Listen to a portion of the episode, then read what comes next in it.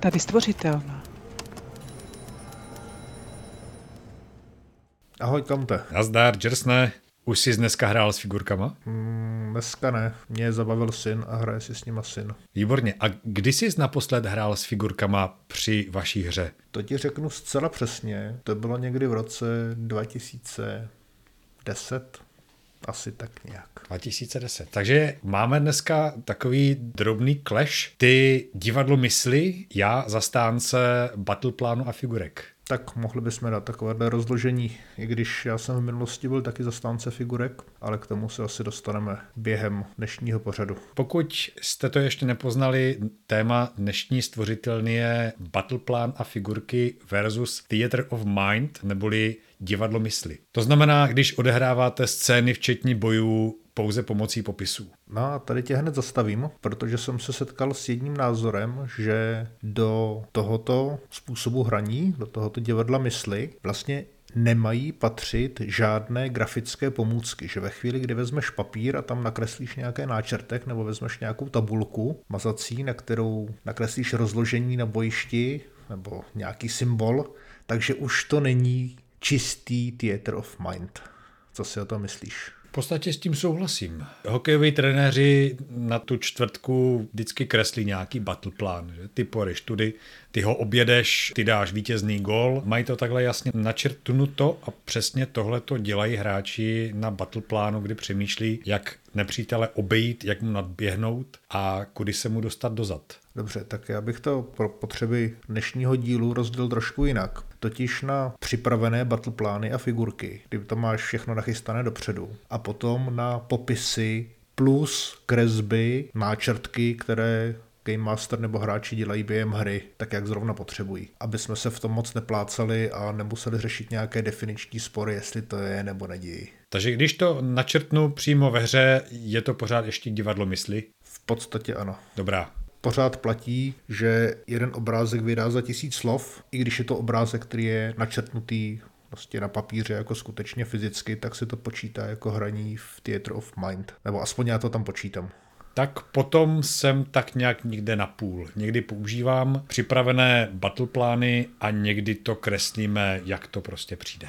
Nedovedu si představit hru RPG, která by se odehrávala jenom na základě popisu. Protože když na to přijde, tak nějaká gesta nebo nějaké výrazy tváře stejně ukazuješ. Tak jako tak. Nikdy nehraješ jenom na základě popisů, vždycky je tam u toho i nějaký vizuální prvek. K divadlu ta vizualizace patří. Myslím tím, že ukazuješ různé grimasy a rozhazuješ rukama. Právě, tak proto bych nechtěl, aby, aby to hraní na základě popisů bylo hraní striktně na základě popisů a nedostávali jsme se do nějaké extrémní polohy, ve které vlastně zřejmě nikdo nehraje. I největší zastánci Theater of Mind myslím si, že používají nějaké náčrtky když je to potřeba. My jsme se toho dotkli v jednom z prvních dílů Stvořitelny, když jsme popisovali, jak Gary Gygax lomeno já ve svých začátcích jsme se schovávali za deku a byli jsme ten hlas od někuť, tak potom to byl takový theater of mind, kdy jsme těm hráčům říkali, co se vlastně děje a oni na to museli nějakým způsobem slovně reagovat. To je docela dobrý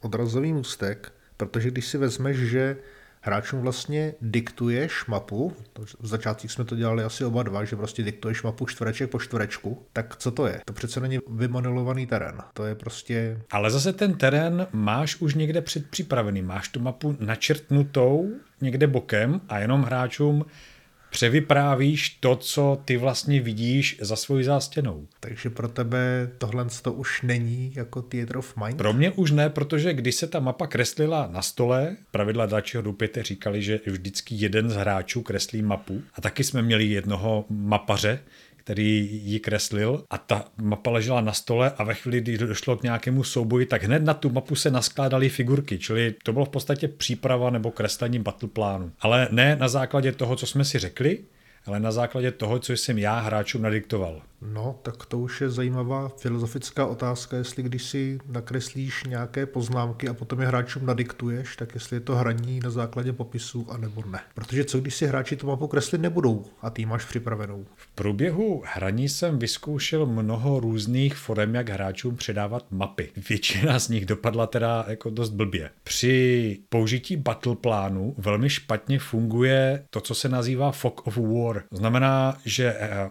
hráči vidí jenom to, co vidí jejich postavy. A bez specializovaného vybavení, jako je monitor a nějaká aplikace, tak se ta mapa velmi špatně postupně odkrývá. Já jsem zkoušel třeba rozstříhat mapu předpřipravenou. Když procházeli nějakýma chodbama, tak jsem jim to lepil na samolepící nástěnku. Nebo jsem zkoušel mapu zasypat rýží a postupně tu rýži odkrývat, odsunovat tam, kde postavy procházely. Ano, to bylo doporučeno v pravidlech, že jo? Přesně takhle zasypat solí nebo moukou. Mám pocit, že tam něco takového bylo. Já zkusil rýži, protože ta mouka by byla asi všude a blbě se sbírá. Pokud by to náhodou někdo z posluchačů chtěl zkoušet, tak je to fakt debilní nápad. Jo? Ta mouka speciálně, nedělejte to. Nedělejte to, je to šíleně nešikovný, ale tak dobře, dneska už máme tablety, takže dneska už se to dá řešit jinak v začátku 90. let. To možná mohlo být relevantní, ale eh, k tomu Potkal jsem pár lidí, kteří to vyzkoušeli. Já osobně jsem to ani neskoušel, protože mi to přišlo jako hloupý nápad a tihle lidé mi to potvrdili. Fakt to nefunguje. Takže já se k ním přidávám a to jsem neměl mouku. No, pak jsme zkoušeli mapu postupně sestavovat z předpřipravených destiček na čtverečkovaném papíru. To bylo asi nejlepší v té době, vydrželi jsme s tím asi nejdíl. Ale Fog of War je docela jedna z nevýhod. Ale zkusme teda začít tím battleplánem, kdy jsme o něm se bavili s figurkama a začněme u výhod. Co to může hráčům pánu jeskyně při hře přinést za výhodu? Když to vybalíš z krabice nebo vytáhneš z vitriny. Dobře, takže aby jsme si teďka ujasnili, o čem mluvíme, řeč bude buď o vymodelovaných terénech nebo o připravených nějakých telsech, o figurkách, v nějaké podobě, buď namalovaných, nebo i kdyby to byly nějaké papírové, vystřihané, případně možná nějaké jednoduché, člověče nezlob se, nebo něco takového. Jo, ale prostě nějaké, nějaké figurky a nějaké terény, buď 3D nebo placaté. Všechno připravené dopředu. Mm-hmm. To znamená v podstatě wargaming. Párkrát jsem viděl borce, jak hráli Warhammer a ohromně se mi to líbilo, ale množství prostoru, které na to potřebuješ, je enormní. No tak když procházíš jeskyně, tak se to dá trošku zdrcnout, takže to nemusí být až tak strašné, ale, ale jo, ten prostor je potřeba. Což by se dalo říct, že nevím, jestli je to výhoda nebo nevýhoda. Když potřebuješ velký prostor, tak je to asi nevýhoda, protože potřebuješ velký stůl. Zase na druhou stranu ten prostor ti dává představu o tom, kolik to zabírá ve skutečnosti. No, prostě 20 metrů a 20 palců, když to vidíš, tak dovedeš si udělat představu, jak velká je ta místnost. Když máš místnost 3 na 3 a nacpeš tam 9 bojujících, tak si uvědomíš, že je tam fakt těsno a že se tam možná bude špatně bojovat, zejména když máš další zbraně. Souhlasím s touhle výhodou. Druhou už si zmínil. Jeden obrázek rozestavení na stole tak vydá za tisíc slov. To je pravda. Co ještě zaznívalo jako výhoda, že všichni mají stejný přehled o situaci a pozici všech účastníků boje a rozložení a terénu a viditelnosti a tak dál. Co je ještě velká výhoda Battleplánu je, že tam můžeš postupně ty nepřátele naházet. Když je záběr z nějakého velkého hraní, pán jeskyně vytáhne beholdera a strčí ho na ten hrací plán a všichni, včetně hráčů i v publika udělají oh. Takže tímhletím se dá vyvolat nějaký eh, strach nebo nějaká euforie a nemusíš říct ani, ani jedno slovo. Prostě ho tam bachneš toho draka a všichni si kecnou na zadek. Já jsem tam takhle bachnul tank, po té, co jsem hráčům popsal skřípavé zvuky a, a zvuk silného motoru. Oni otevřeli dveře, jak jsem vzal vlastně model tanku a postavil jsem ho tam před ně. A to opravdu míří hlavní na nás. Říkám, jo, jo, míří. Ve fantasy? To asi nemá cenu. Ne, ne, to bylo, to byl můj předválečný svět. Aha, už jsem se lekl. už ho hraju docela dlouho. To asi nemá smysl zavírat dveře. Říkám, no to asi nemá teda. A nebo v jiném případě jsem vzal figurky, tenkrát ještě z pána prstenů, nějaký hradský. Začal jsem je stavět na okraj dun okolo postav a viděla jsem, jak hráčům se postupně jako zračí větší a větší děs v očích a když se to naskládal celých 20 takhle do půl kruhu, tak řekli, ty, to jich tam tolik? Říkám, ne, ne, není. Vzal jsem zbylých 20, prostě začal jsem je stavit na druhou stranu. Cože? Jako, jsou všude okolo nás. Říkám, hm, už to tak vypadá, ne? Jo, Není třeba nic říct a dá se vyvolávat hrůza celkem dobře tady tím způsobem. S tím souhlasím, to jsem si vyzkoušel. Další věc je, že když už je Game Master nebo, nebo někdo z hráčů modelář, tak aspoň může využít ty modely pro jiné účely, než to, že mu stojí ve vitríně a nepráší se na ně. Zase na druhou stranu někteří odmítají nechat na figurky šahat kohokoliv jiného, takže to může být trošku omezující, ale, ale jo, jako já osobně jsem proto, že když už člověk dělá modely, takže by měly mít i jiné využití, než aby se na ně jenom koukalo. Takže když jsem, když jsem stavil modely, tak jsem vždycky chtěl, aby se s nimi dalo i nějak hrát. Já jsem stavil modely ještě dávno předtím, než jsem začal hrát fantasy a role-playing games.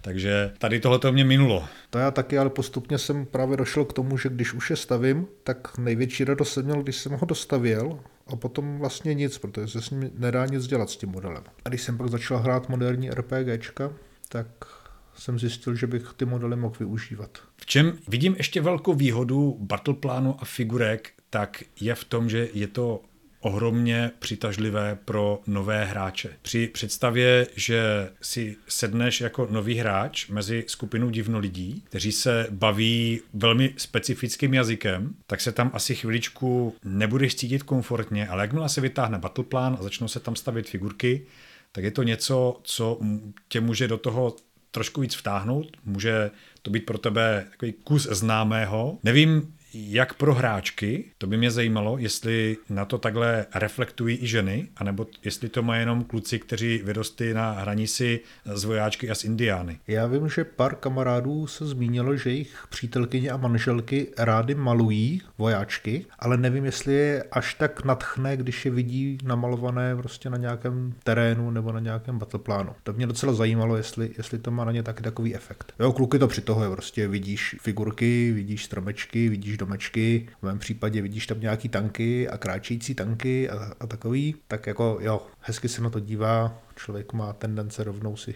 s tím začít hrát nějak. Potom s čím jsem se setkal, nebo přesně řečeno, co mi několik lidí napsalo a co jsem si uvědomil, že měli i někteří z mých hráčů, tak že když mají svoji figurku, jsou hrdí, že jako tohle jsem já. Speciálně, když si ještě sami namalují, tak prostě je to jejich figurka, jejich avatar, jejich fyzické zosobnění v tom světě. Vím, o čem mluvíš. Když jsme začínali, tak si všichni kluci udělali nějakou figurku. Dá to vyniknout tvému modelářskému egu nebo tvém, tvému modelářskému umu, ale velmi špatně se potom hraje, když jedna figurka má na výšku asi 2 cm a druhá 20. A jedna zabírá jeden hex a druhá 4. Vy jste se nedohodli na měřítku. Každý si prostě udělal figurku, jakou chtěl. Byl s ní stotožněn, ale každá byla jinak veliká. A za nějaký čas i protože ty figurky byly tehdy dělané z moduritu, byly poměrně křehké, občas tomu upadl meč, tam tomu hlava, psovi ocas, tak eh, jsme přestali vozit na různé akce, vyjadřovaly se figurky takovými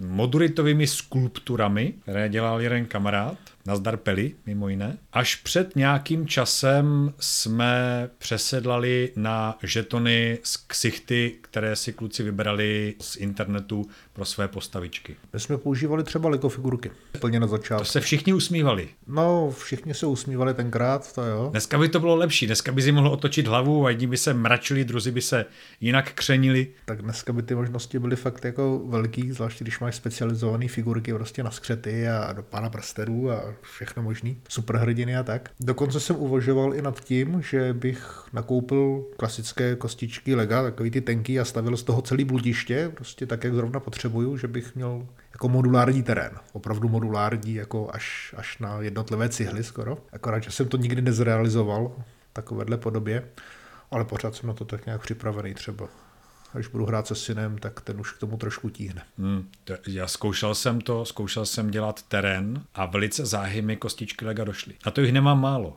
Tak já mám teďka asi čtyři krabice nebo čtyři bedny, tak možná, že už by z toho něco šlo. Ano, potřebujete toho lega docela dost. No. Strašlivě moc. A když už ho doma máte. No když děláš ten terén, když ho děláš z lega, tak ho můžeš udělat 3D, že? Pak nastane ta situace, kdy ten terén můžeš takticky využít. Schováš se za nějaký kámen. Nebo hráli jsme, to se musím pochlubit, ale to jsem se jako hecnul a udělal jsem ze solitu obrovského golema. Na něho jsem z purpěny nastříkal různé výstupky. A spojil jsem ho k takovým deskám, jakoby řetězy a měli jsme tenhle ten 3D pohled do jeskyně, kde se mohly figurky zavěšené na magnety pohybovat po těch řetězech a tam se skutečně jako na tom vyřádíš. Můžeš taktizovat, můžeš přemýšlet, odkud kam skočit, kam se přehoupnout lanem. Získává to opět na jiném rozměru, než kdybych jenom nakreslil tuhle tu věc 2D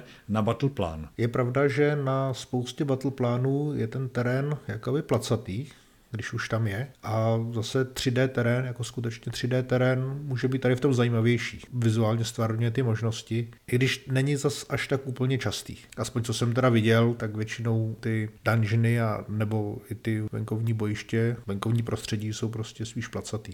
S 3D terénem pracuju tehdy, když používám předpřipravené battle plány, teď je jich spousta krásných, dá se stáhnout, vytisknout a potom ano, je to 2D, leží to na stole, ale jasně na tom vidíš, že jsi o pár metrů výš než nějaký protivník a můžeš na něho hodit kámen, skočit, střelit ho. Takže opět dá se slušně taktizovat. To, co napsalo docela dost hráčů, takže řada schopností, zejména v D&D 5. edice, a podobných hrách a řada kouzel má přesné dosahy v metrech a rozsahy, figurky nebo postavy mají nějaké bojové rychlosti, jo, se kterými se pohybují po plánu. A tohle to všechno se vlastně bez přesného terénu nedá dost dobře využít. Některé hry jsou na to přímo dělané a i hráči, kteří jinak figurky a terény nepoužívají, tak si hru v takovém systému prostě dokážou lépe užít z terény. To bylo docela, docela časté, nebo častá odpověď, kterou jsem dostával. Tomu rozumím. Dají se koupit takové různé plexisklové výseče, kdy to položíš na stůl, na, na battle plán a vidíš, kdo zrovna je v dosahu daného kouzla nebo daného efektu. Když už všichni na tom battle plánu stojí, tak se hlavně nemusí každé kolo ptát, kdo kde je kdo kde stál, ale přímo to vidíš. Jo, koukneš. A koukneš vidíš. a vidíš. Máš okolo sebe tři, tři skřety, jak jeden leží opodál a tamhle někdo utíká. Navíc, jo, nemusí si pamatovat, která figurka leží, která figurka stojí, jestli někdo lítá. Prostě máš to přímo jedním pohledem oka. Je pravda, že se líp udržuje přehled o bojišti nebo o situaci během, já nevím, třeba půl hodiny nebo tří hodin, po které ten, ta akce trvá, ten, třeba ten souboj. To by asi bez toho battle plánu nebylo úplně představitelné, aby to hráči udrželi v paměti. Výhoda, battle plán, na něm můžete provádět bitvy klidně celý den. Další věc, co tu mám napsanou, tak tu už si vlastně zmínil, že když už máš ty připravené části, ať pod zemí nebo nad zemí, prostě nějaké talsy, tak s nima můžeš mapovat, že skládáš jednotlivé kousky k sobě, jako když hraješ karak. Myslíš takové ty destičky, jo? že máš na tom nakreslenou chodbu, křižovatku a téčko a a postupně to Dveře, skládáš stupnou. k sobě. Jo, jo, přesně tak. Když si to naplánuješ, máš pořadí, v jakém to chceš rozložit, jo, nebo máš po ruce, máš to logicky seřazený, tak se s tím dá docela přehledně mapovat, nemusíš hráčům diktovat, jako teďka čtyři sáhy rovně a potom je téčko doprava a teďka je místnost, která je šíleně složitá, takže vám ji ani neradiktuju. To je docela šikovný. My jsme dlouho bojovali s tím, že náš battleplan má omezenou délku, šířku, že se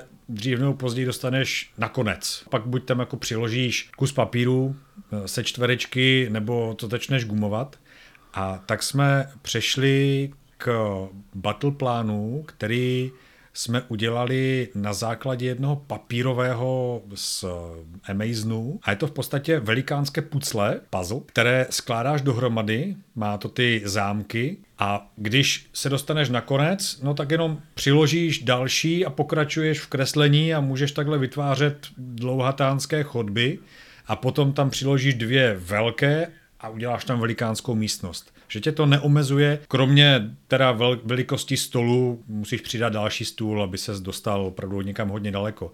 Ale tohle to je výhoda, můžeš ty mapy vy- vyrábět opravdu obrovské. Další výhodu, kterou uváděli vypravěči, že můžou vzít past a umístit ji na přesné místo. Na přesný čtvereček, případně na jedno místo umístí nášlapné zařízení a na druhé místo umístí vlastní past, třeba vystřelenou šipku typickou a dá se určit, že když tady na, ten, na tu dlaždici někdo šlápne, tak tady odsaď se vystřelí šipka a když někdo stojí mezi šipkou a tou dlaždicí, tak to schytá jako první. Mám jednu radu k začínajícím nebo ke všem pánům jeskyně, pokud to ještě neděláte. Nechávejte hráče, ať se svýma figurkama pohybují oni. Ať si řeknou, odkud jdou, kudy jejich figurka prochází, nebo jejich postava prochází a kde se zastavila. Nedělejte to za ně, dřív nebo později to schytáte, protože přesně, jak si říkal, ty, ty vezmeš tu jejich figurku, řekneš, aha, tak ty procházíš odsaď sem a když si dost stoupnul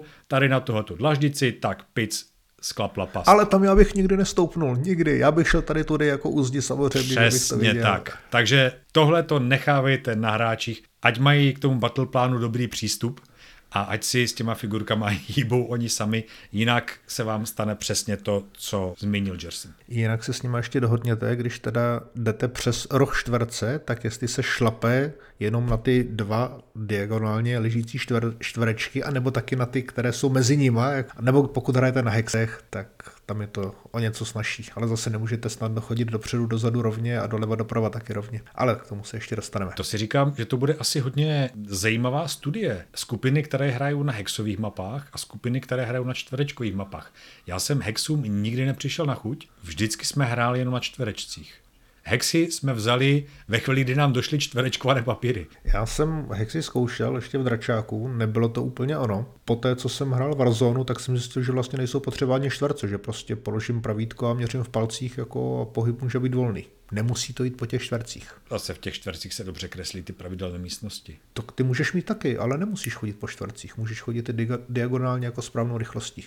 Můžeš, To je jenom takový, takový detail. jasně. Já bych tady k tomu měl jednu příhodu, která se mi teda stala, aniž bychom měli připravené tilesy, kdy mý hráči před bojem, kde plánovali místo přepadu, si říkali, kdo kde bude, kam budou primárně střílet a tak. A jeden hráč měl granát, nebo jedna postava měla granát a hráč říká, tak já ho tady natáhnu, tady mezi ty dva stromy, tady ten špagát přivážu k pojistce a když tam někdo proběhne, tak ho odpálím. Já říkám, dobře, tak si to tady nakresli na to, na to bojiště. On se ho tam nakreslil a během boje přímo tenhle ten hráč říká, já proběhnu tady mezi těma dvěma stromama, ty vole, tam je ten granát. Byl tam ten granát. Měl to tam nakreslené, nemohl říct ani slovo. Nenechal za to vzít zpátky, jo? Ne, ne, prostě jako měl to tam nakreslený od začátku, sám ho tam dal, jasně viděl, že to tam je a prostě si toho nevšiml, ty čáry jako s granátem, která tam byla nakreslena, kterou si tam sám nakreslil. Na první dobrou boom, no. Jako přežil to, jo, ale je to zcela, zcela objektivní. To ale jde proti tomu, co, co máme v případě napsáno následovně a to, že hráčům se na battle plánu lépe nezávisle plánuje. On si to naplánoval nezávisle. Kdyby jsme neměli ten battle plan, tak já bych mu musel říct, proběh si mezi těma dvěma stromama, kam si nastražil granát, a on by se se mnou hádal, že prostě takovou blbost by nikdy neudělal. Tady ji prostě udělal. To plánování je důležitá část hry. Stává se mi občas, že mi hráči pošlou pryč na nějaký čas, aby si mohli naplánovat to, co se bude vlastně teďka dít. A pak, když se vrátím, tak se to celé rozjede a já jenom stříhám ušima, na co všechno nepřišli. Takže mají taktiku přímo proti tobě, teda proti tvým postavám, jo? Jo, nechtějí, abych byl v místnosti, když zrovna plánuji, abych třeba nezačal vymýšlet protiopatření a pak se mě ptají, a překvapili jsme tě?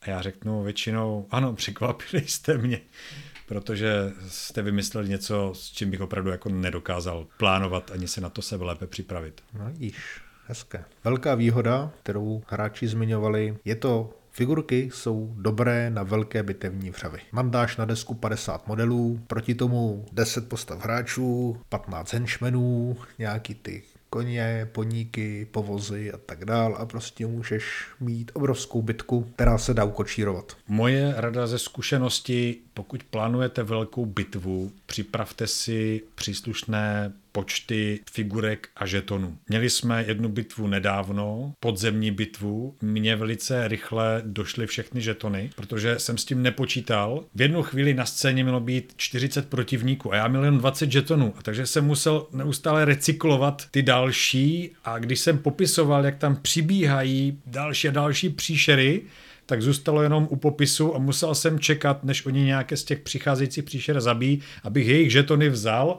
a strčili zase na začátek, odkud přichází. Bylo to takové velmi zvláštní a nezrovna z mé strany dobře provedené. Já bych tady k tomu jenom doplnil, vzhledem k tomu, jaké rady dáváme, tak ne když si připravujete boj, ale když očekáváte, že by tam nějaký boj mohl být a takhle velký. V tomto případě má příprava byla, bude tam jedna hlavní příšera a ta má kolem sebe 40 pomocníků. Vzhledem k tomu, že někteří hráči nebo Game Mastery uvádí, že mají třeba 500 nebo 1000 nebo 2000 figurek, tak ty bitvy můžou být asi úplně grandiozní. Právě takovou bitvou se dá krásně zaplácnout celý dlouhý čas hry. Pětihodinová akce, pětihodinový boj, jen to fikne. Naprostá pohoda. To jsou výhody, které jsme sezbírali podle názoru hráčů a přidali jsme samozřejmě k tomu výhody, které jsme zažili nebo o kterých víme. Teď budeme probírat nevýhody battle plánu. Než začneme, tak já bych měl výzvu k našim posluchačům, kdyby mohli přidat ještě nějakou výhodu, kterou jsme nezmínili. Nějakou buď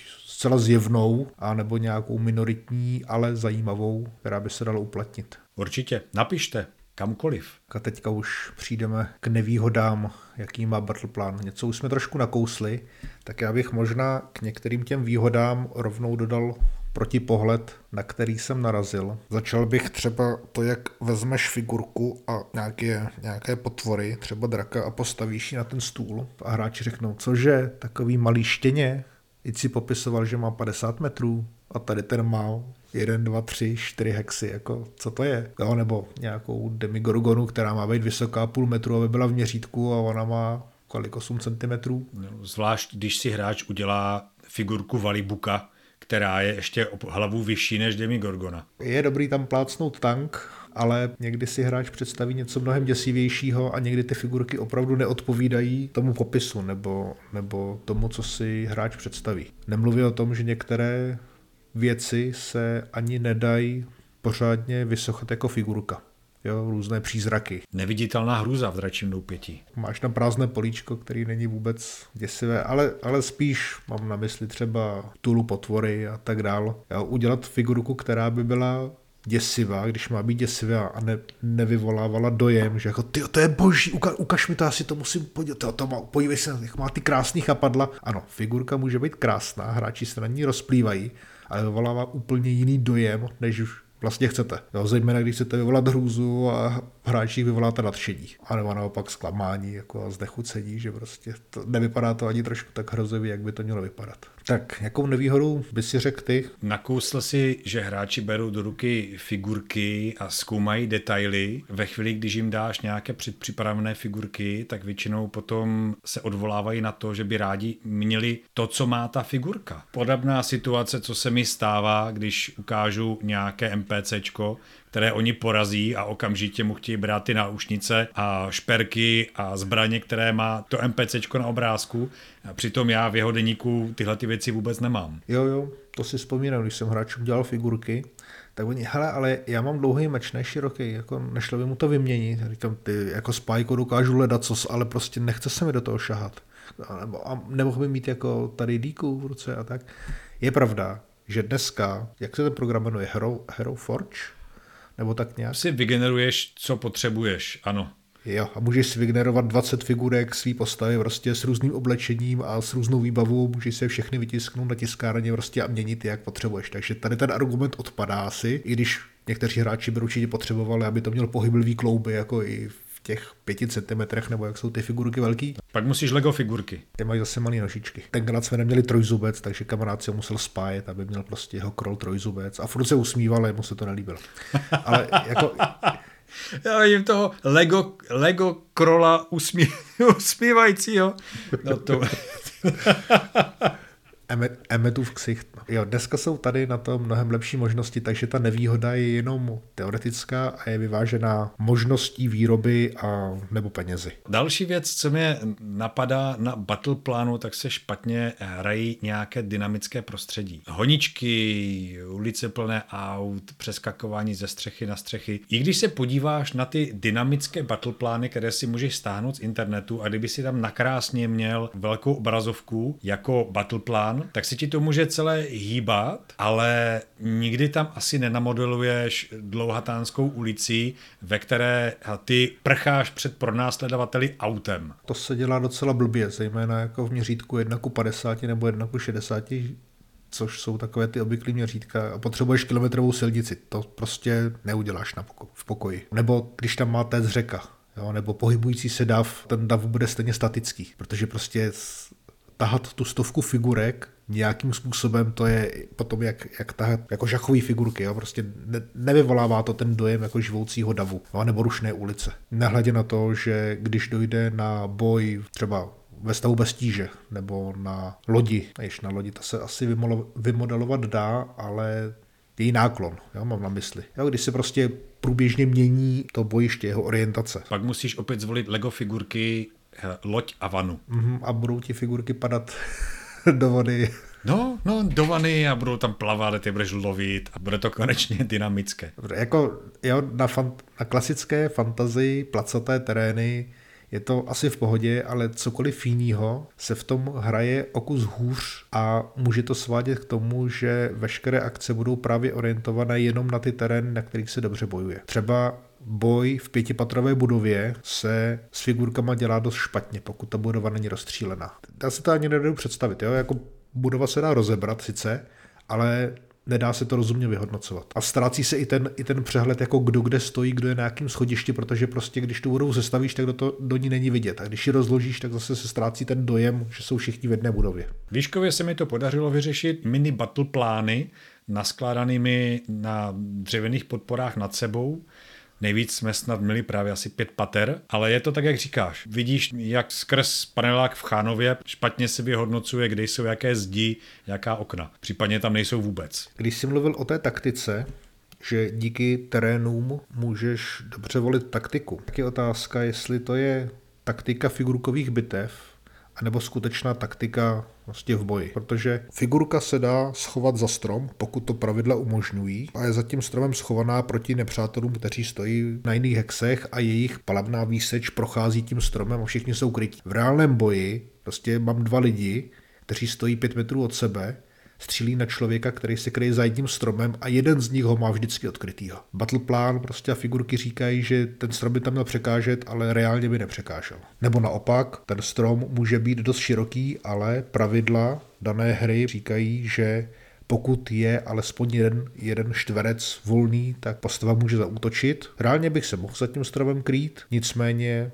podle pravidel nemůžu. Dost závisí na, na aplikaci těch, těch pravidel a už jsem viděl relativně dost hádek, které právě vycházely z toho, že na čtvercovém, čtvercové síti, když se máš pohybovat diagonálně, tak jako někam musíš šlápnout. A co když je na jednom z těch čtverců past, jo, ale ty vlastně jdeš mezi nima prostě přes roh, na nic nešlápneš, co je třeba takovéhle věci dořešit. S tím ruku v ruce jde i ta výtka pro battle plan, že hráče docela dost omezuje v tom, co chtějí nebo co si dovolí použít. Že jim jasně diktuje ty mantinely. Chodíš po čtverečcích nebo chodíš po hexech, máš takový a takový dosah. Že ti to zlikviduje tu, tu představivost a místo, aby hráč řekl, dobře, tak já udělám salto tady přes zeď, tak on tam žádnou zeď nevidí, a řekne, tak já mám pohyb 6 metrů, tak půjdu raz, dva, tři, čtyři, pět, šest a pak zautočím mečem. Že tě, to, že tě to sváže s těmi pravidly, které pro ten battle plan máš připravené nebo používáš. A nebo že je figurka příliš velká, než aby se vešla pod stůl, takže ty ten stůl přeběhneš a nenapadne,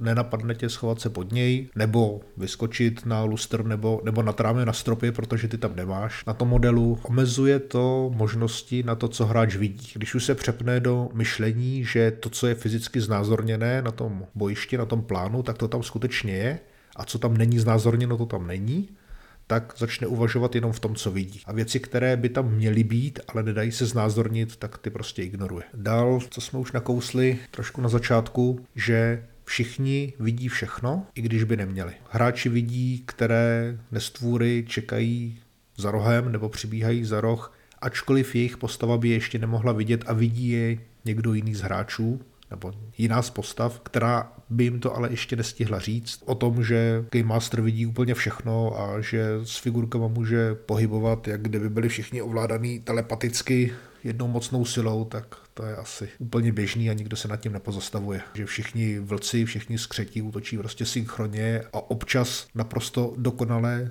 s briliantní taktikou, kterou by vlastně neměli být ani schopni. Mají přehled o tom, kdo stojí před nimi, za nimi, po stranách. V reálném boji prostě vás někdo seká, vy se tomu bráníte a vůbec netušíte, kdo je za vámi. Ale zase, když mají přehled obě dvě strany, tak se to do určité míry smívá.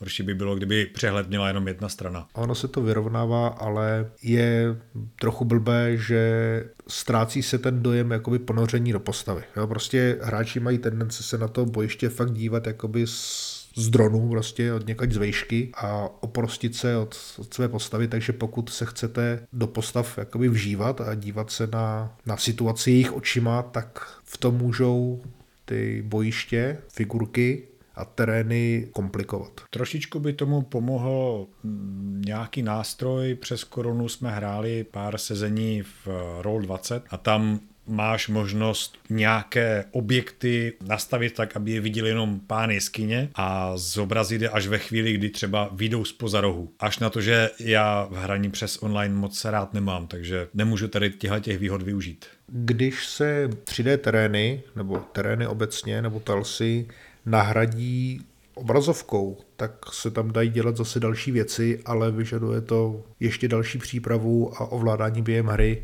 a samozřejmě nemůže to být zase 3D. Všechno má svá omezení tady v tom. Dá se tak udělat třeba i ten fokovár a různá viditelnost, má to zase jiná omezení. Když jsme mluvili o těch velkých bitevních vřavách nebo vůbec obecně o terénech, tak hlavní námitka proti jejich používání je to strašně náročný na čas, na peníze, případně obojí. Vysochat nějaké dobře vypadající věci, Zvlášť když to neumíte, začínáte s tím. To trvá docela dost dlouho. Nabarvit figurky. Myslím si, že běžný postoj vargamistů je, až nabarvím všechny figurky, tak si teprve koupím nějaké další a nikdy to nedodrží. Prostě mají spoustu figurek, které nejsou nabarvený a který vlastně, když použiju s těma nabarvenými, tak to trošku kazí ten ten dojem, žere to neuvěřitelné množství času. Ještě jedna věc, vůbec k těm mapám. Jakou máš zkušenost s tvorbou map na battleplánu a s tajnými chodbami? Já žádnou, protože jsem si, když už mám ten battleplán, tak nevím, jak tam udělat tajnou chodbu. Ono se to asi dá, jak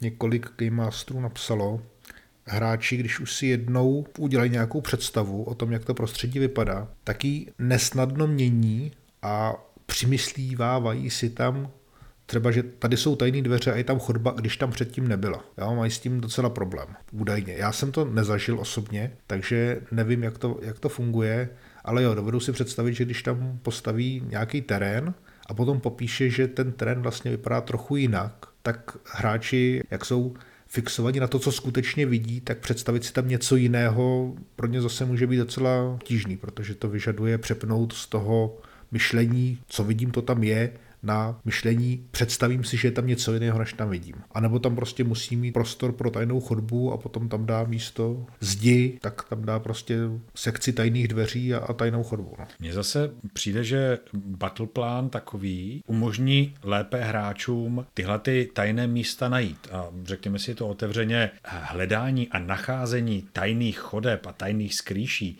je, je součást té hry a, a každý se na to těší, každý je rád, že něco takového najde.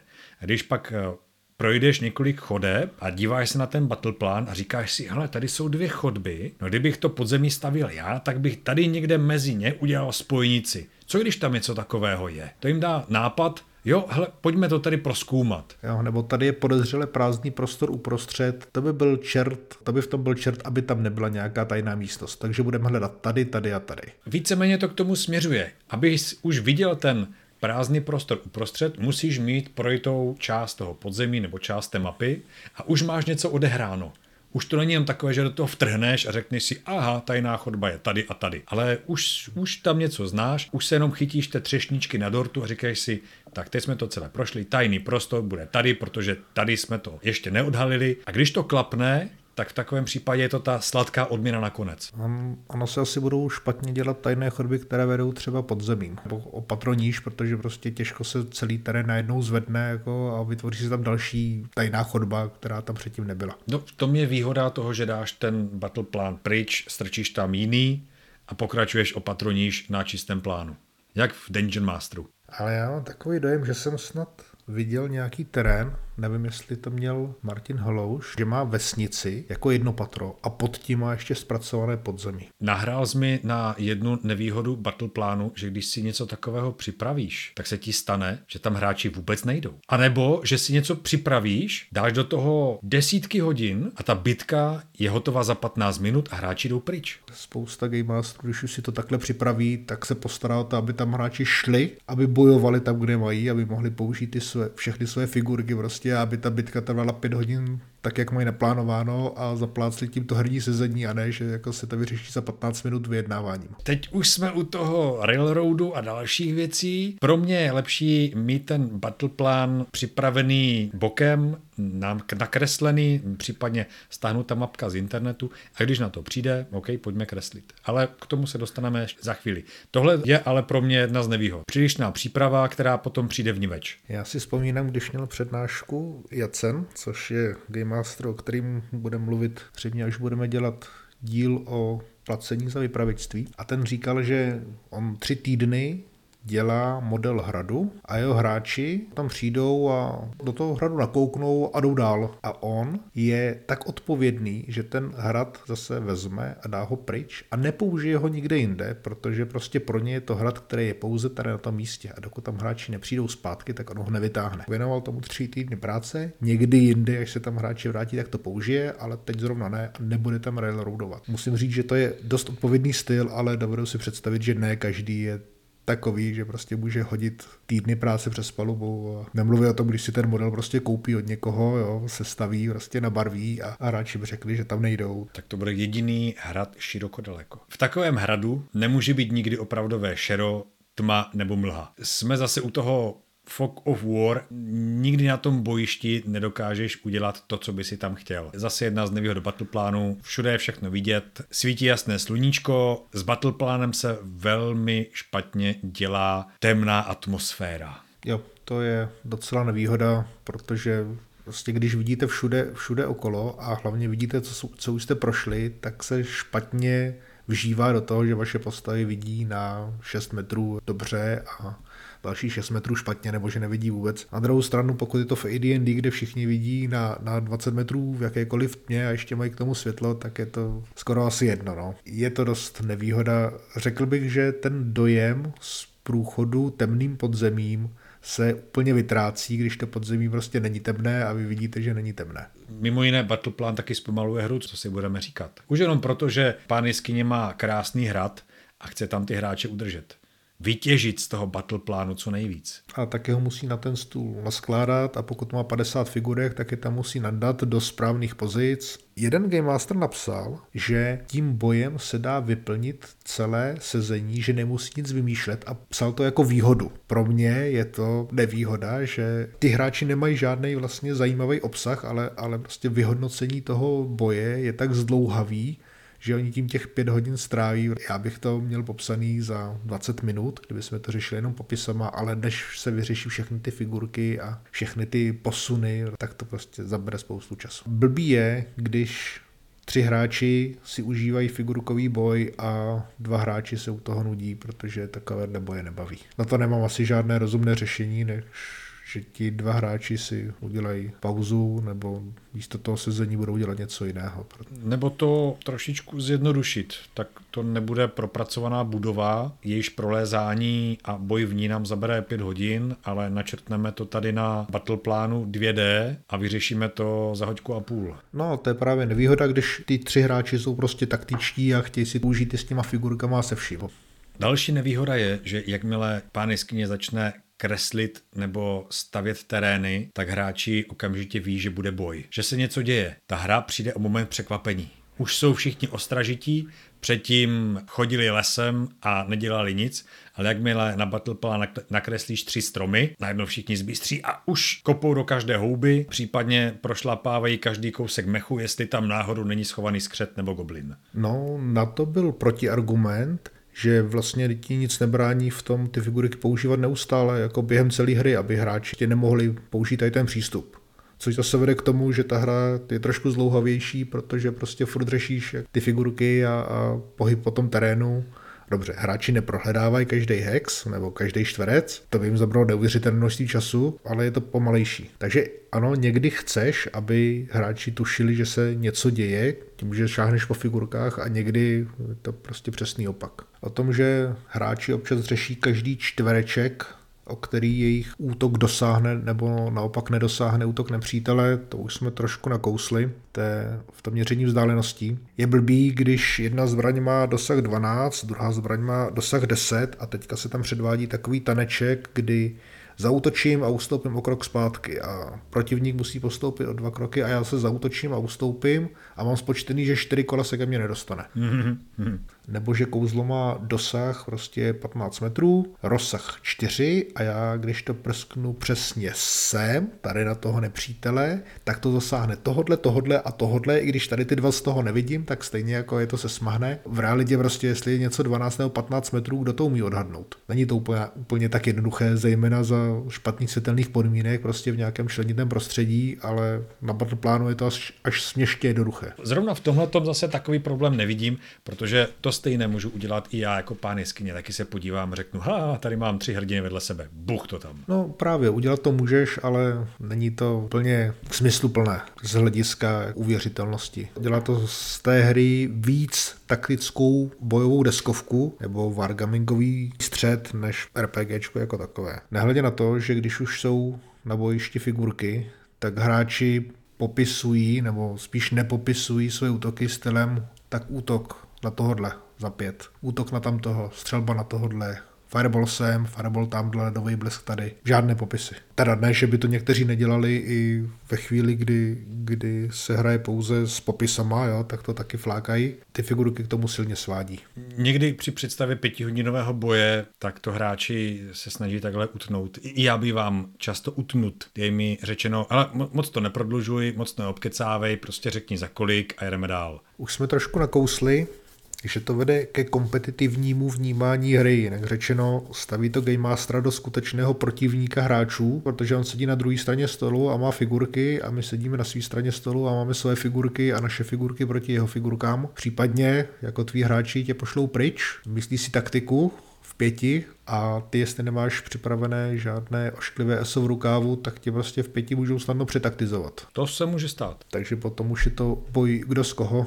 Ale já se rád nechám někdy přetaktizovat, zvlášť když mě opravdu s něčím překvapí. To je pravda, no akorát, že když hraješ nějakého super inteligentního nepřítele, který má ještě pár inteligentních spojenců, tak ti by se normálně nenechali takhle přetaktizovat. No, ale ty jsi to nedomyslel, protože prostě nemůžeš myslet jako za všechny. Ale pořád tak nějak jako abstrahujeme figurky a terény občas a někdy dost často vyžadují dodatečné popisy. Že třeba dveře, jestli jsou zamčený nebo odemčený, pootevřený. Ano, můžete mít detailní model, ve kterém jsou ty dveře pohyblivý. Někdo tam může mít i zámek prostě ve dveřích. Když jsem slyšel, že někteří game mají vyrobené jídlo, a skládají jídlo na misky, prostě na modelu podle toho, co prostě kdo jí, tak to už mi přijde jako brutální hardcore, ale ti ostatní to prostě musí nějak popsat, že jako jo, tady ten nedrží v ruce luk, ale, ale má meč. Ano, figurka má luk, ale tady ten má meč.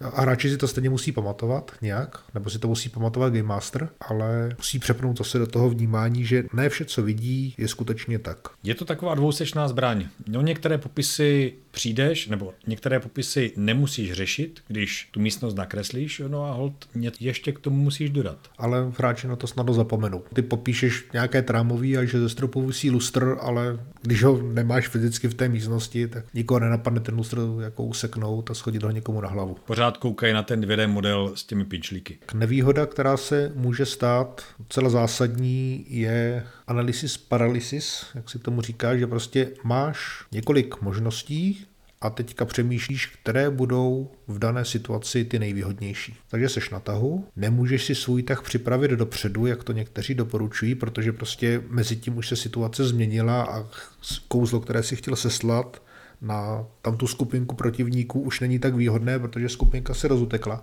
Tak teďka přemýšlíš, kam, jaké kouzlo seslat, nebo na koho zautočit, aby tady ten ho mohl flankovat z boku, jo? nebo že odstrčíš někoho a potom na ně někdo hodí nějaký hromadný kouzlo. Když je těch možností víc, tak se jedno kolo řeší třeba půl hodiny. Zasekneš se. Máš toho tak moc, že si nedokážeš vybrat tu nejlepší.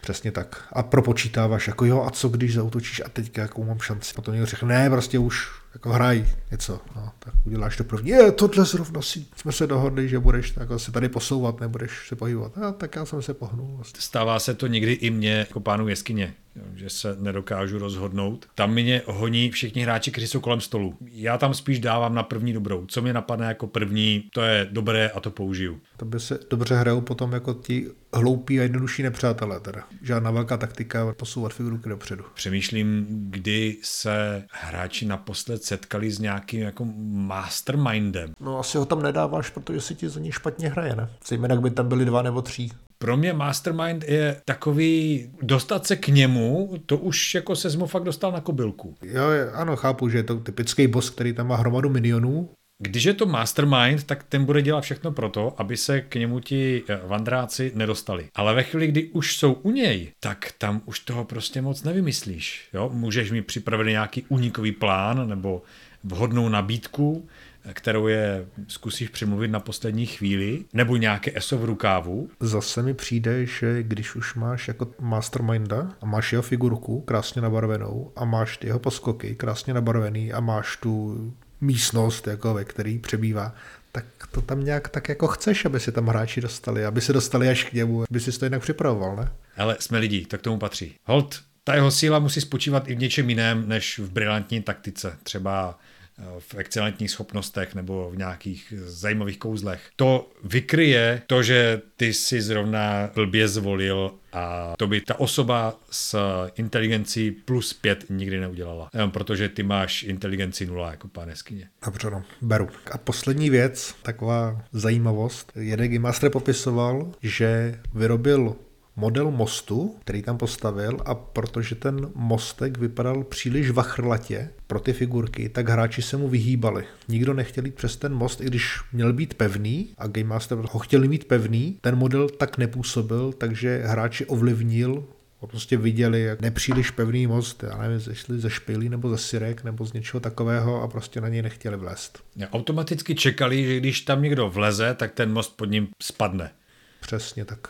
Asi bych tam taky nevlez. Nebo zase opačně, když máš nějaký terén, máš tam třeba řeku, tak jak může být hluboká taková řeka, když máš položenou na stole? No?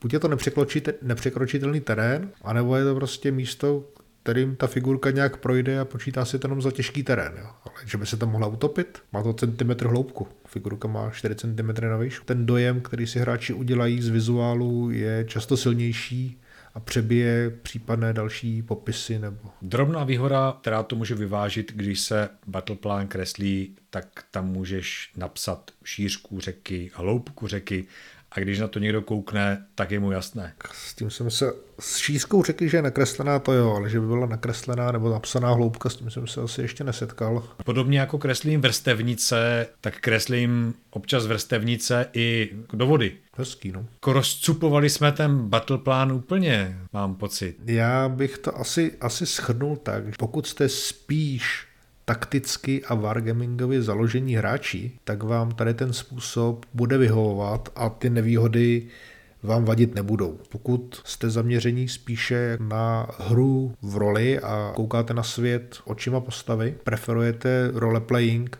tak ty figurky jsou jo, jako můžou být hezký, můžete si to užít, ale asi to nebude úplně primární věc, kterou byste chtěli ve hře řešit a kterou byste chtěli trávit tolik času. Velká výhoda figurek je, že můžeš použít něco jako moderní sbírku motýlů. Jako lákat na to holky? No jasné. Před 70 lety se lákali ženy domů na sbírku motýlů.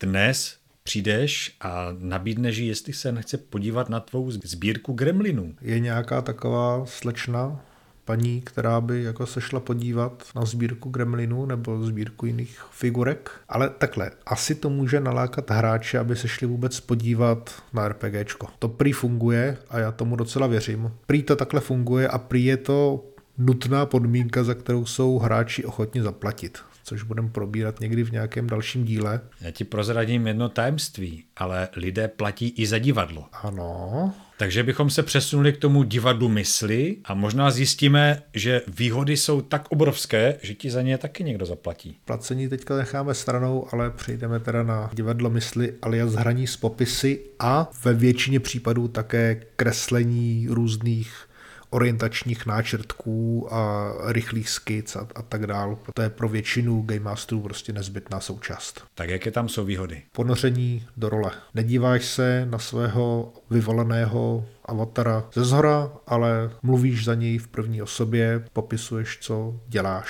Víc imerze je uváděno jako, jako jedna z dost častých výhod. Může být. Já si myslím, že je to hlavně rychlejší a lacinější. Lacinější rozhodně, rychlejší, já rovnou k tomu dodám protiargument, který jsem slyšel, že něco popsat opravdu detailně trvá o dost déle, než to ukázat vytvořené. Já si to nemyslím, protože stačí popsat jenom základní věci a ten zbytek popisovat až během hry, když se na to hráči zeptají ale hlavně je to rychlejší rozhodně na vytváření. Vymyslet popis nějaké místnosti je rozhodně rychlejší, než tu místnost vysochat z polystyrénu a nabarvit. Takže ten čas rychlejší je třeba posuzovat jako celkový čas. Při hře ten, ten rozdíl nemusí být až tak velký. Jo? Někdo prostě má připravený terén, tak ho tam pleskne a je to rychlejší, než kdyby ho měl popisovat opravdu detailně, ale ten detailní popis tím není nezbytný na začátku. Hráči si to stejně nezapamatujou a stačí popsat základní věci a potom popsat detaily. Já si pod tím rychlejší představuji i to, že lze hrát v podstatě kdekoliv.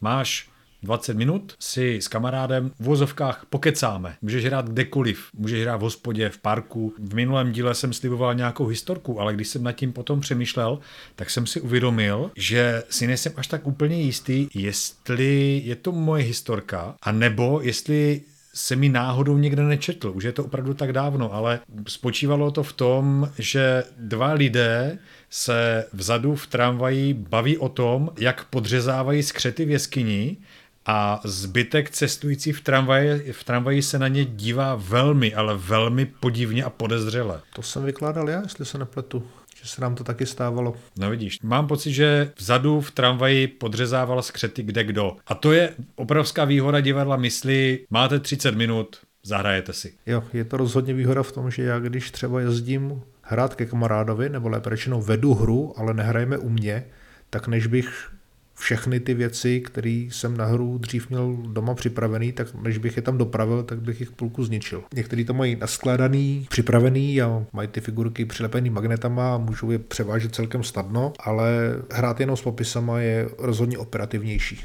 Nemusím přemýšlet dopředu, co by asi tak hráče mohlo potkat, a podle toho si vyrábět terény nebo kupovat terény a vyrábět figurky. Prostě popíšu, co zrovna potřebuju. Že si to představíš a pak to představíš. Pokud máte problém tu scénu nějak popsat, tak si zavřete oči, představte si, že jste na tom daném místě, rozlížíte se, z místa, na kterém stojí postavy hráčů a potom jim popište, co prostě vidí, co slyší, co vnímají jako kdybyste na tom místě byli. Což je teda výhoda ještě další proti těm figurkám, že většinou, když tam máte figurky, tak nebudete popisovat, co je slyšet, co je cítit, protože figurky ten dojem nepotřebují. Zatímco, když si představíte, že na tom místě jste, tak si určitě představíte i co slyšíte, představíte si vítr, nějaký pach, teplo, zimu, spíš na to nezapomenete. Občas zapomenu popsat to, co postavy cítí. Takže jsem si to musel dopsat na papírek a nalepit si na zástěnu. Je to takový výjem nepříliš častý. Občas může pro navození atmosféry být docela zásadní. Já musím říct, že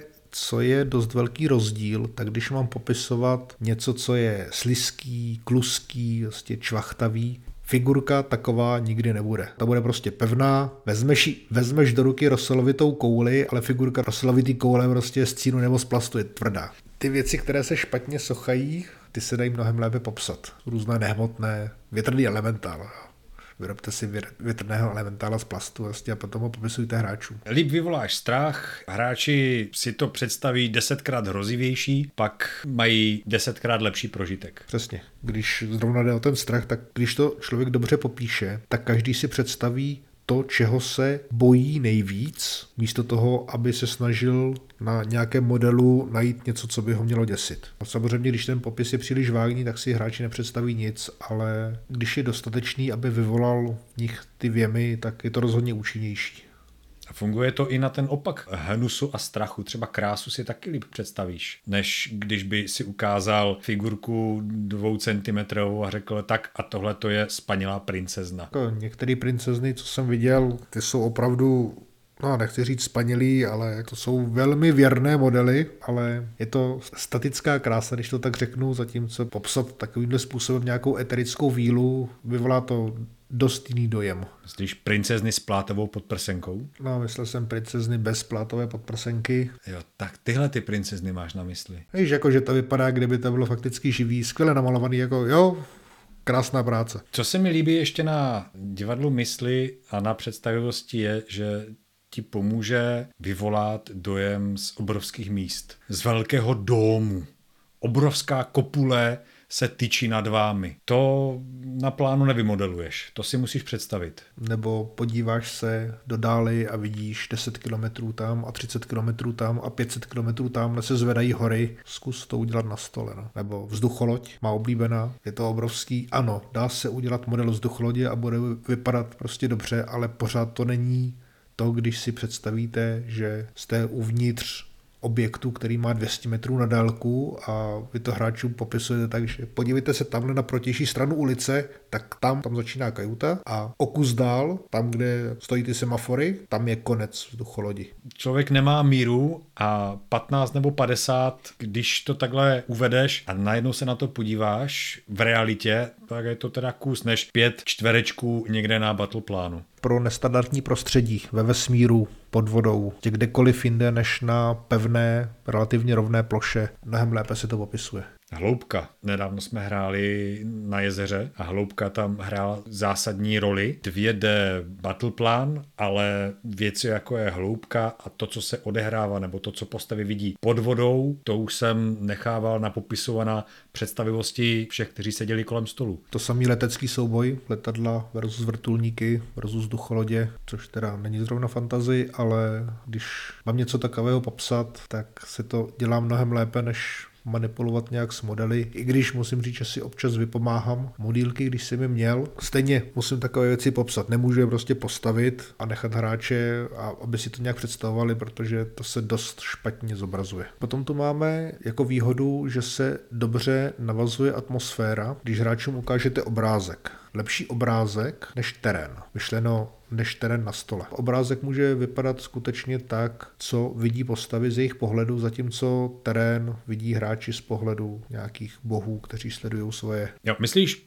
pohled do krajiny třeba? Přesně tak. Nebo teď se podívejte, jak ty římsi, po kterých šplháte, zhruba vypadají obrázek. Může to být třeba i pohled do temné jeskyně. A nebo pohled na princeznu bezplátové podprsenky. Jo, to taky ale zrovna těma princeznama bych se už asi nezabýval.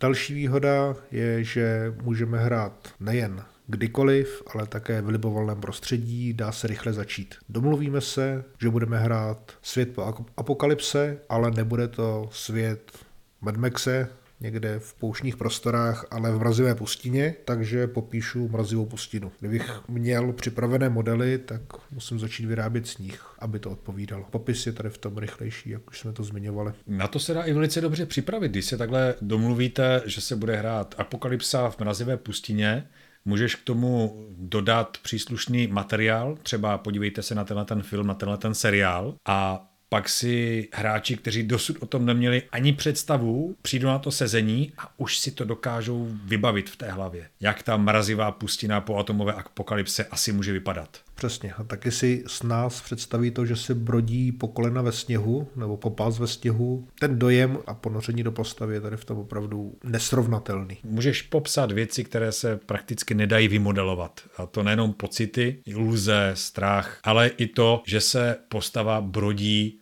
popás ve sněhu. To je mimo jiné docela složitá situace. Takže když si to představíš, začneš reagovat jinak, než když vidíš tu figurku na placu, uvědomíš si, že v těžkém terénu máš jenom poloviční rychlost, ale stejně je to pohoda. A tím panáčkem předsupitáš z jedné strany patl plánu za dvě, tři kola, na druhou jen to fikne. Když si to máš představit, tak asi neřekneš, že jako ve sněhu popás je rychlost poloviční, ale jako řekneš si, to se asi prodírám jako horko těžko a o každý metr musím bojovat. Ty pravidla, které říkají, že v těžkém terénu je rychlost poloviční nebo čtvrtinová, vůbec nepoužiješ, protože nedávají v tu chvíli žádný smysl.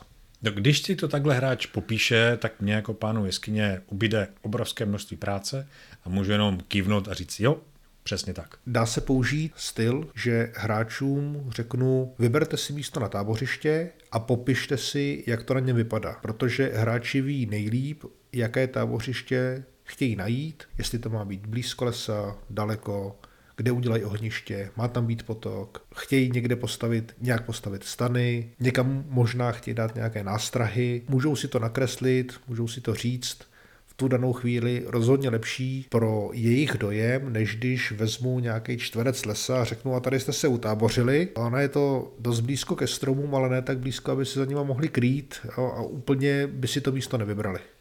A ještě navíc jim podsuneš ten battle plán, který si stáhnul z internetu. A navíc, když už na tom battle plánu stojí, tak očekávají noční přepad. No dobře, oni očekávají stejně, když si to místo mají připravit sami, ale aspoň je to místo podle jejich představ. Když přijde na bitvu, tak ta může být opravdu obrovská. Pravda. Mluvili jsme o výhodě, že s figurkama se dají nasimulovat dost velké bitvy, ale nějakou bitvu které se účastní stovky, možná tisíce postav, případně probíhá i ve vzduchu za přispění bojových plynů a výbuchů děl. Ta se mnohem lépe popisuje, než odehrává na stole. Rozhodně taková bitva může být mnohem dynamičtější a rychlejší. My jsme jednou hráli obléhání vesnice, postavy byly v té vesnici a bránili ji. Dřív, než jsem se vytasil s nějakým battleplánem, tak jsem jim popisoval, jak na tu vesnici dopadají kameny z katapult a, a jak se tam hroutí jeden barák za druhým a bylo to mnohem zajímavější, než kdybych se vytasil s plánem vesnice a začal tam ty katapulty sázet a odměřoval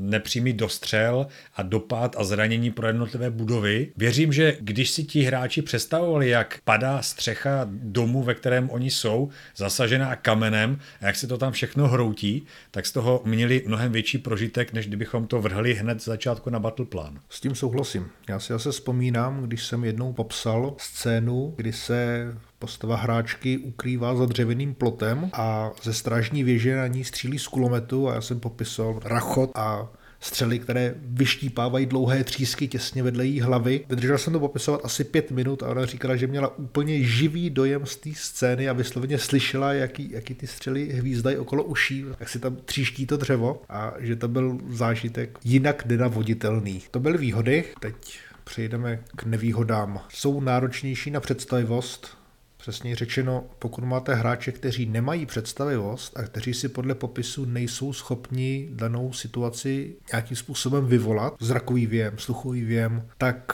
jim nemáte tu informaci, jak předat, aby jim v hlavě zůstala. Otázka je, jestli takový hráči můžou hrát RPGčko, ano můžou a hrajou, ale u nich popisy opravdu nestačí. A i u běžných hráčů to může být náročnější, než si vybaví tu scénu všemi detaily, které postupně popisujete. Jestli je vůbec popíšete, jo? protože ono popsat všechny detaily, jak už jsem říkal, není úplně snadné. Nemůžete 10 minut na začátku popisovat celou scénu a doufat, že si to hráči všechno zapamatují.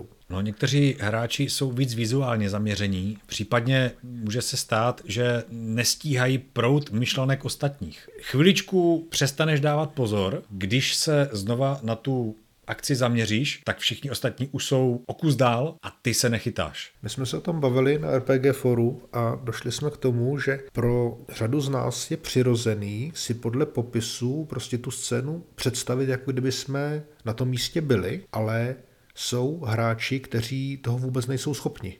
Jo, oni si nepředstavují tu scénu, protože slyší, chápou, co se tam děje, ale nevnímají to, jako kdyby na tom místě byli. Jenom používají ty popisy, které slyšeli, aby na ně reagovali. Analyticky to vyhodnotí. Přesně, přesně. A abys jim to dokázal správně vysvětlit, tak musíš mít nějakou dovednost pro toto popsat. Vystihnout ty podstatné věci, nezdůrazňovat příliš velké množství detailů, případně jednu věc, kterou mají hráči nalézt. Když popisuju třeba nějakou místnost, tak prostě popíšu všecko možné té místnosti. Právě proto, abych nezdůrazňoval nějakou jednu věc. Přijdeš do místnosti, tam je socha. A když popíšeš jenom, že tam je socha, no tak je jasné, socha je hlavní objekt. Ale ta místnost může být plesnivá, může mít hnusné stěny, padající strop, vydrolené zdi a postupně se dostaneš k tomu, že tam kromě té sochy ještě leží nějaké napadané kameny. Aby to působilo plasticky, ale zároveň, aby jim neukázal ten zdvižený ukazováček a řekl, hele pozor, tohle to je věc, na kterou byste si teďka měli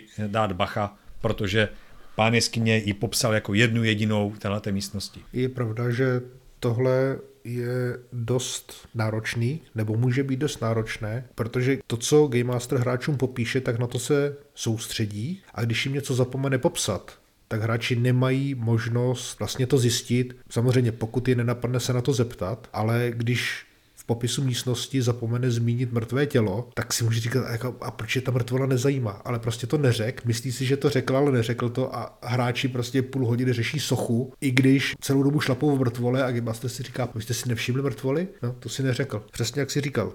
Zmínit všechno podstatné, ale nesoustředit se na nějakou věc, ať už má být důležitá, nebo naopak nemá být důležitá, což je možná ještě horší, protože popsat sochu, která je jenom obyčejná socha a hráči na ní potom straví hodinu, protože Game Master řekl socha jako první, prostě tak ta socha bude nějaká důležitá nebo ožije.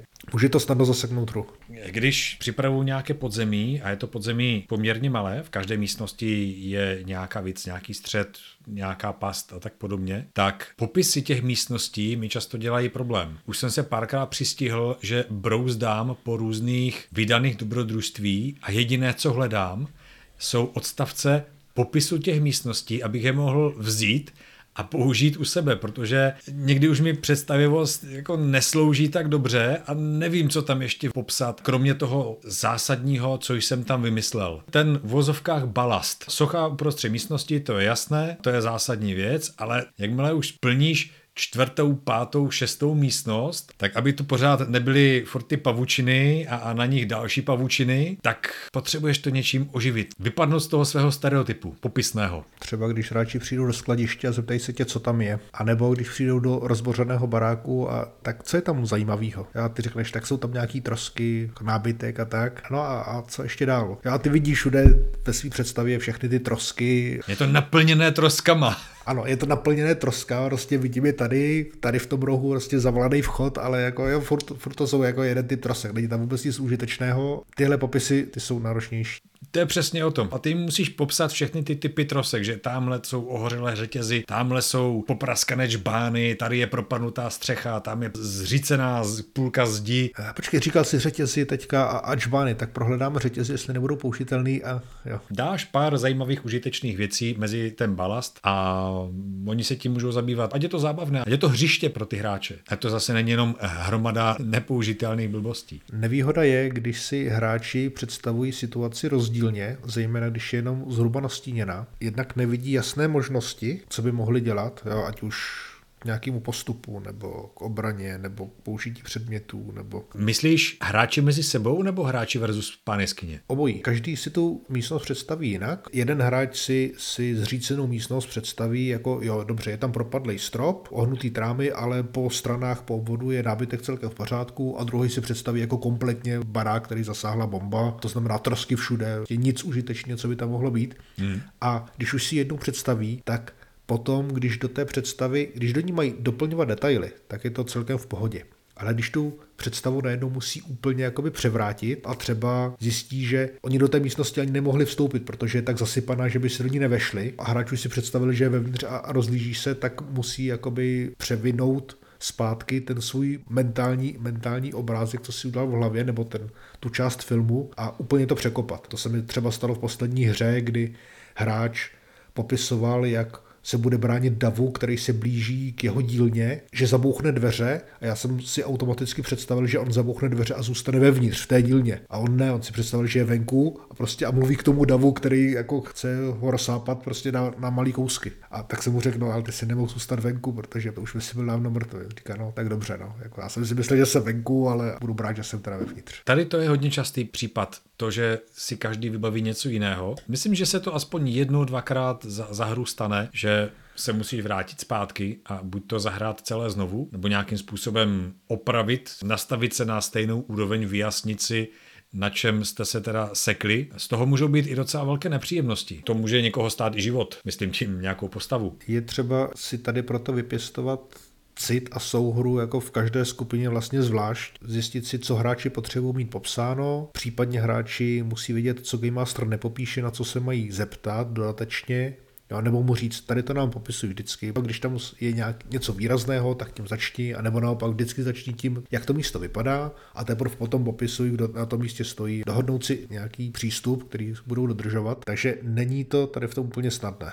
Protože pak se dostáváme do situace, tohle jsi nám neřekl. Představím si krásnou místnost, nebo představím si detailně místnost, začnu ji popisovat, tak jak jsem o tom mluvil dřív, popíšu ji a vypadne mi nějaký detail, třeba, že tam je lustr a na tom lustru ten lustr jakoby otvírá tajnou místnost. A já ho zapomenu zmínit, a hráči to teďka budou prohledávat a já budu říkat, ne, tady nic není, nic takového není. Oni na ten lustr si vůbec si ho nevšimnou, nebo si nevšimnou ty mrtvoly a já potom řeknu, no, ale ještě je tam mrtvé tělo. Celou dobu tam bylo, to, to si nezmínil. No, možná ho tam vidíš, ale, ale nám si to neřek a pět lidí prostě ví, že si, ho, že si to neřek. No a nebo potom taky zapomenou to, co bylo řečeno. To je taky hodně časté. Pět minut mluvíš, popisuješ a když je ten popis neúplně záživný, tak se jim to začne slívat a vůbec neví, co si řekl, nebo ví jenom část z toho jo, a zbytek si pamatují jinak. Úplně nejhorší je, když jeden hráč potom něco řekne, že třeba já si stoupnu k oknu, ale já jsem žádný okno nezmiňoval a v mé představě tam žádné okno není a potřebuji, aby tam žádné okno nebylo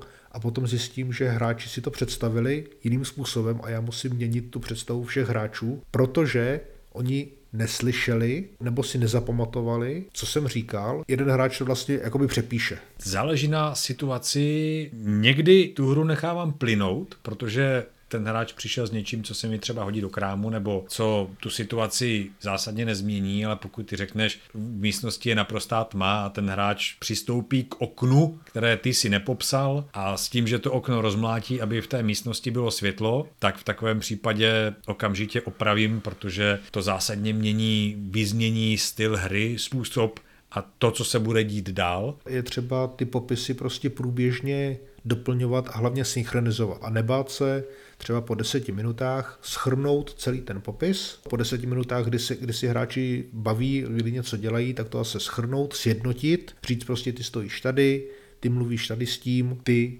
děláš tady u toho stolu a tak dál, aby hráči si udělali zase představu a tu svoji situaci, kterou mají nebo možná nemají v hlavě, tak aby si zase nějakým způsobem sjednotili. No na to se může zase nabalit, že se hráči začnou dohadovat, kdo co řekl, kdo kde stojí, kdo co udělal, a nebo neudělal. Začnou se dohadovat s pánem jeskyně. Tady na to narážím asi každou hru aspoň jednou, že teďka se mi taky stalo, jsem řekl, že v autě toho gengu, který přijel, tak je váš technik a, a vaše medička. A medička říká, no ale já jsem tam vůbec nebyla, já jedu tady s řidičem na výpravu. Říkám, jo, vlastně, ty jo, dobrý, ty, ty tam nejsi. Je dobrý, když hráč říká, že něco neudělal, tak mu dát za pravdu. Nedohadovat se s ním, i když to znamená přepsat svojí jako game představu o tom, co ta postava dělala, tak si myslím, že je to lepší, než nutit hráči, že udělal něco, co udělat nechtěl, nebo neudělal něco, co udělat chtěl a řekl to. Zkrátka neudržíš v paměti tolik informací o NPCčkách a o postavách,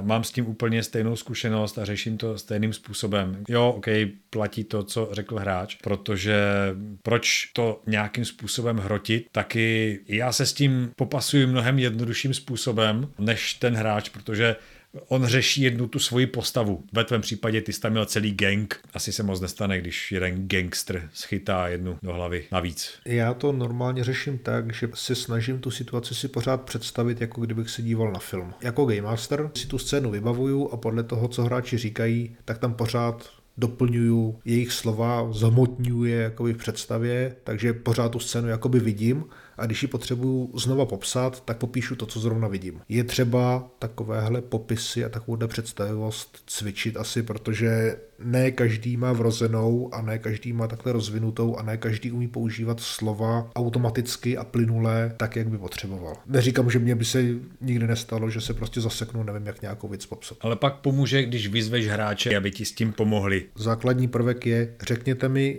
co, kdo teďka děláte, kde jste, co děláte, co chcete dělat dál. Nepopisovat všechno sám, napřed to nechat říct hráče, pak to když tak shrnout. Když narazíte na nějakou nesrovnalost, rovnou řešit. Výborná situace nastává ve chvíli, kdy něco začneš popisovat, zadrhneš se a odmlčíš se a hráč tě doplní tím slovem, které ty si nemohl vzpomenout. To mám rád. Co nemám rád, je, že když popisuju nějakou věc nebo nějaké prostředí a jenom se nadechnu, aby chytil druhý dech a pokračoval a ten hráč do toho vhodí něco, co tam prostě je naprosto blbě. Co mě třeba jako vykolejí, jo? Řek, teď tam vidíte, a on říká, vidíme tam obra. Ne, obra tam nevidíte. Vidíte tam chodbu, která pokračuje dál, akorát jsem se potřeboval nadechnout. Jenže ten obr se už tam zapsal jako do vědomí ostatních hráčů. A... Přesně, teď už s tím operují ostatní hráči, což je obr, řekne někdo, kdo dělá zápis, jaký obr? A už to je, už se všichni vezou. Tak jako obr to asi člověk nepřehlídne, ale třeba když řekne nějaký hráč jako krysy a ty řekneš, ne, krysy tam nejsou a krysy už tam zazněly dvakrát a každý hráč má potom v hlavě, jo, to byla ta chodba s krysama. Ne, to byla chodba, která, kde nebyly krysy. Chodba s krysama bez krys. Přesně tak. Krysy je krysy, ale velmi špatně se vysvětlují fyzické hádanky to je Brutus občas.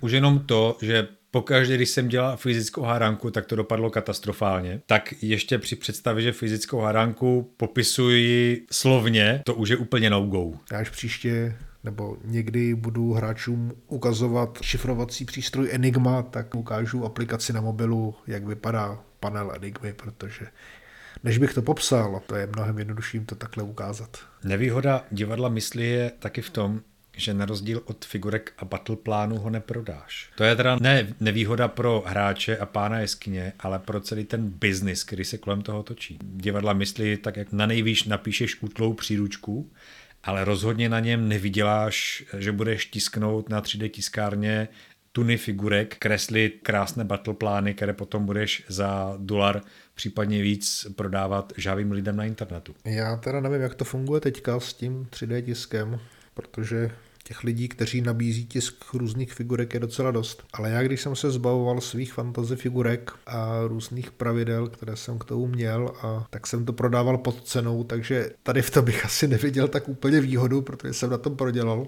Ty jsi na tom prodělal, ale firmy, co vyrábí ty figurky, teď to, to jsou jako tuny a tuny. Podíváš se na, na každého druhého pána jeskyně, co dělá videa na YouTube – a ten má za sebou vitrinu narvanou figurkama. Game Master YouTuber se pozná tak, že má za sebou příručky a a figurky. Ty to nebudeš, pač máš za sebou dveře a já skříň s batohama. Pro mě nevýhoda divadla mysli popisu je v tom, že ono to funguje, když ten oddálíš pohled jak od vrtulníku, vzneseš se na ten střed a vnímáš jednotlivé skupiny třeba jak fleky na mapě. Po tu to funguje, po tuhle tu chvíli, ale jakmile se začne zaměřovat na jednotlivce, tak se začnou řešit detaily kdo je ke komu zády, aby postavy mohly využít svých schopností, kdo kouká kterým směrem, co přesně vidí na 10, 20, 50 a 100 metrů. Začne se to tak hodně rozplizávat tam chybí takový ten dojem té objektivní v uvozovkách figurkové taktiky. Ano. Jasný pohled, že tady stojím, tady za tím balvanem se kryju před tady tím střelcem. To byla taky jedna z výhrad, které měli hráči, zejména ti, kteří ty battle plány používají. Není to objektivní a buď záleží na tom, co zrovna Game Master popíše, nebo se to musí řešit nějakýma mechanikama. Jestli bych tyhle ty dvě varianty měl nějakým způsobem popsat nebo udělat z toho nějaký závěr, tak nejvíce mi vyplatilo popisy a divadlo mysli použít na začátku setkání a na battle plan jít až ve chvíli, kdy už všichni ví, co se děje, anebo když v tom popisu nastanou nějaké nejasnosti. Když se zaměříš na ty detaily a lidé už se začnou ztrácet, tak říct, dobře, počkejme, tady si to nakreslíme na tom battle plánu, tady rozestavíme figurky, nějaké jednoduché zdi a teď to spustíme znovu. Teď už všichni ví, kde, kde kdo stojí, případně si to sami hráči naštelují a můžeme pokračovat na battle plánu. Jo? Nestavit ten battle plán hned ze startu. My teda battle plán nepoužíváme, ale používám třeba mapu města, jako poměrně dost oddálenou to znamená, že ani se na tom nedají jako stavět nějaké figurky, kdyby jsme chtěli. Hráči ukazují, kde jsou, nebo já jim ukážu, jste tady, tady je nemocnice, tady je radnice, tady je policejní stanice, tady tudy jedete, nebo ukažte mi, kudy jedete. A když dojde na nějakou, na nějakou scénu, kde je potřeba vědět, kdo kde stojí, jo, nebo kdo na koho může střílet, tak kreslíme na papír. Jednoduché náčrtky. Takhle jsme to dělali při poslední hře se starší skupinou Velká mapa města na ní se v podstatě dělalo cokoliv. Jdeme ze západu na východ toho města, tak já jim popíšu, hele, tady na baráku stojí nějaký chlap a mává na vás. Tak si ho nevšímali a šli dál. Ve chvíli, kdy přišli na náměstí, na náměstí obrovská vatra, ve vatře ohnivý elementál, je jasné, že bude boj, jdeme kreslit. Nějakou za sebe musím říct, že i když to možná vypadá, že jsem proti těm figurkám a battle plánu v RPGčku, protože už to nevyvolává takový dojem toho roleplayingu, tak já jsem je relativně dlouho používal a když bych měl tu možnost a měl prostor a měl čas, tak já si používám i teďka. Vzpomínám si, že při jedné z posledních her s jedním hráčem, tak ten hráč řekl, jako někdy by si měl vzít všechny své figurky a udělat nám misi, kde je použijeme kde použijeme ty auta a všechny ty vojáky a kráčející roboty a já bych to chtěl vidět v akci. Bohužel na to nikdy nedošlo a nevím, jestli ještě dojde, protože zrovna tady s tím hráčem už jsem pěkných pár let nemluvil. Takže ano, i ve chvíli, kdy hrajeme na základě popisu, tak hráči můžou mít touhu, jako někdy ty figurky si vyzkoušet a vyzkoušet si tu akci z jiného pohledu, takže neodsuzuju to, i když v současné době hrajeme prakticky jenom na základě těch popisů, protože nemám kapacitu a nemám ani správné figurky, abych je, abych je vozil na hraní. Mě by zajímalo, jak jsou na tom naši posluchači. Rád bych si potom v komentářích, případně kdekoliv na Discordu, D20, Facebooku, přečetl, jak na tom jste a co preferujete. Taky proč to preferujete. Pozbírali jsme teďka, nebo aspoň já, co jsem počítal, tak nám napsalo 38 lidí svůj názor, co a proč používají, nebo, nebo jak se k tomu staví. Možná nějaká anketa, co kdo preferuje, jestli je to půl na půl, i když si myslím, že tam bude asi docela dost lidí, kteří řeknou, tak jako my už napsali, že když systém podporuje figurky, tak hraju s figurkama, když systém preferuje volnější popisy, tak hraju s volnějšími popisy a přizpůsobím se podle toho, co zrovna chce systém.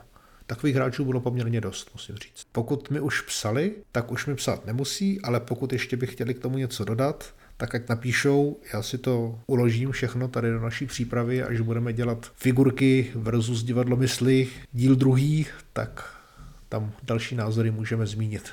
No a ještě jedna věc, než úplně toto téma opustíme, my dva, ať každý úplně jiné části naší krásné republiky, tak se letos sejdeme. Uvidíme se na Gameconu. Pro mě to bude velká premiéra. Já se na tu akci jako nesmírně těším. Já se na ní těším taky, hlavně proto, že rovnou jsme si zamluvili i společnou hru, i když teda musím říct, že to vyšlo asi jen tak tak. Takže si spolu zahrajeme postavy a kam teda bude hrát u mě. Urval jsem, zdá se, poslední místo Jersnově omeze, tak na to jsem taky zvědav.